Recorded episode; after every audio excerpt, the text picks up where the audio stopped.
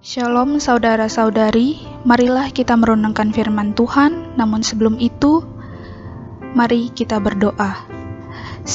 Saat ini Bapa Surgawi, terima kasih untuk hari yang indah. Sekarang kami ingin merenungkan firman-Mu. Kami meminta berkat dan hikmat-Mu agar dapat mengerti firman-Mu. Amin. Bacaan Alkitab terambil di dalam Kolose pasal 3 ayat 12 sampai 17 kasih Allah dalam keluarga. Dan di atas semuanya itu, kenakanlah kasih sebagai pengikat yang mempersatukan dan menyempurnakan. Diambil dalam kolose pasal 3 ayatnya yang ke-14. Apakah yang dapat menyatukan dua pribadi yang sangat berbeda dalam suatu keluarga? Jawabannya adalah kasih Allah. Kasih Allah dapat menerima satu sama lain, baik itu kelebihan atau kekurangan seseorang. Dengan kasih Allah, kita dapat menutupi kekurangan pasangan kita. Paulus mengatakan bahwa kasih Allah memiliki kuasa untuk mengikat, mempersatukan, dan menyempurnakan. Bagaimanakah agar kasih itu dapat menjadi dasar dalam keluarga? Yang pertama, kasih itu harus diwujud nyatakan. Kasih itu tidak menunggu.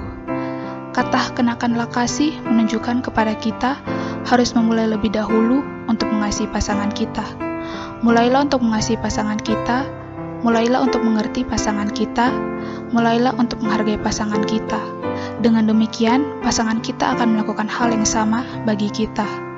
Yang kedua, masing-masing pasangan perlu berkomitmen untuk mengenakan kasih satu dengan yang lain.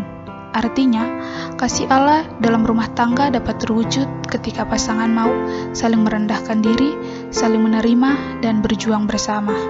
Kasih Allah dapat terwujud di dalam keluarga ketika masing-masing pasangan tidak lagi hidup untuk dirinya sendiri.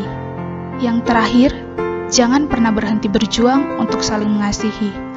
Paulus menasihatkan kita bahwa setiap pasangan yang mengambil komitmen untuk tetap saling mencintai satu sama lain akan dimampukan untuk menghadapi setiap persoalan yang terjadi di dalam rumah tangganya. Kasih daripada Allah akan memimpin kita menuju kesempurnaan.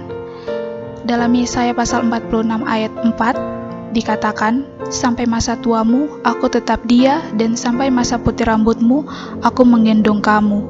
Aku telah melakukannya, dan mau menanggung kamu terus. Aku mau memikul kamu dan menyelamatkan kamu. Pastikanlah kasih Allah menjadi power untuk kebahagiaan dan keberlangsungan rumah tangga kita. Amin. Demikian renungan kita saat ini. Tuhan Yesus memberkati.